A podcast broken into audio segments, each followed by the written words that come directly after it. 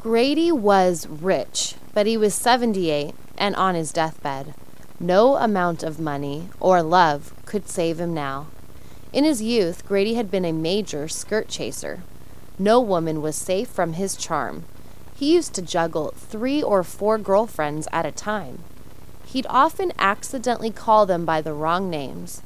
The first time that happened to a new girlfriend, she would get upset. Instead of lying, Grady would admit that he had another girlfriend, or two. But he would quickly add, You are my number one. You'll always be my number one. Somehow, this little white lie often worked. Sometimes his various girlfriends would even end up meeting each other and become fast friends. Any attractive woman was a target for Grady. He would walk right up to her and say, You're very attractive. Are you single and unattached?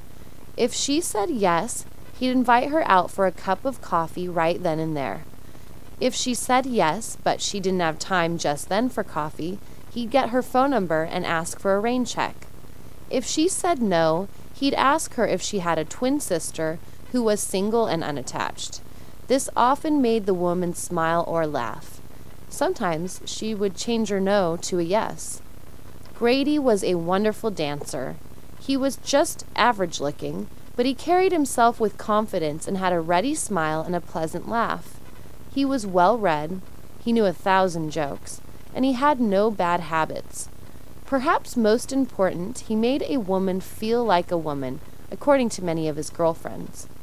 Even in his old age, Grady hadn't slowed down.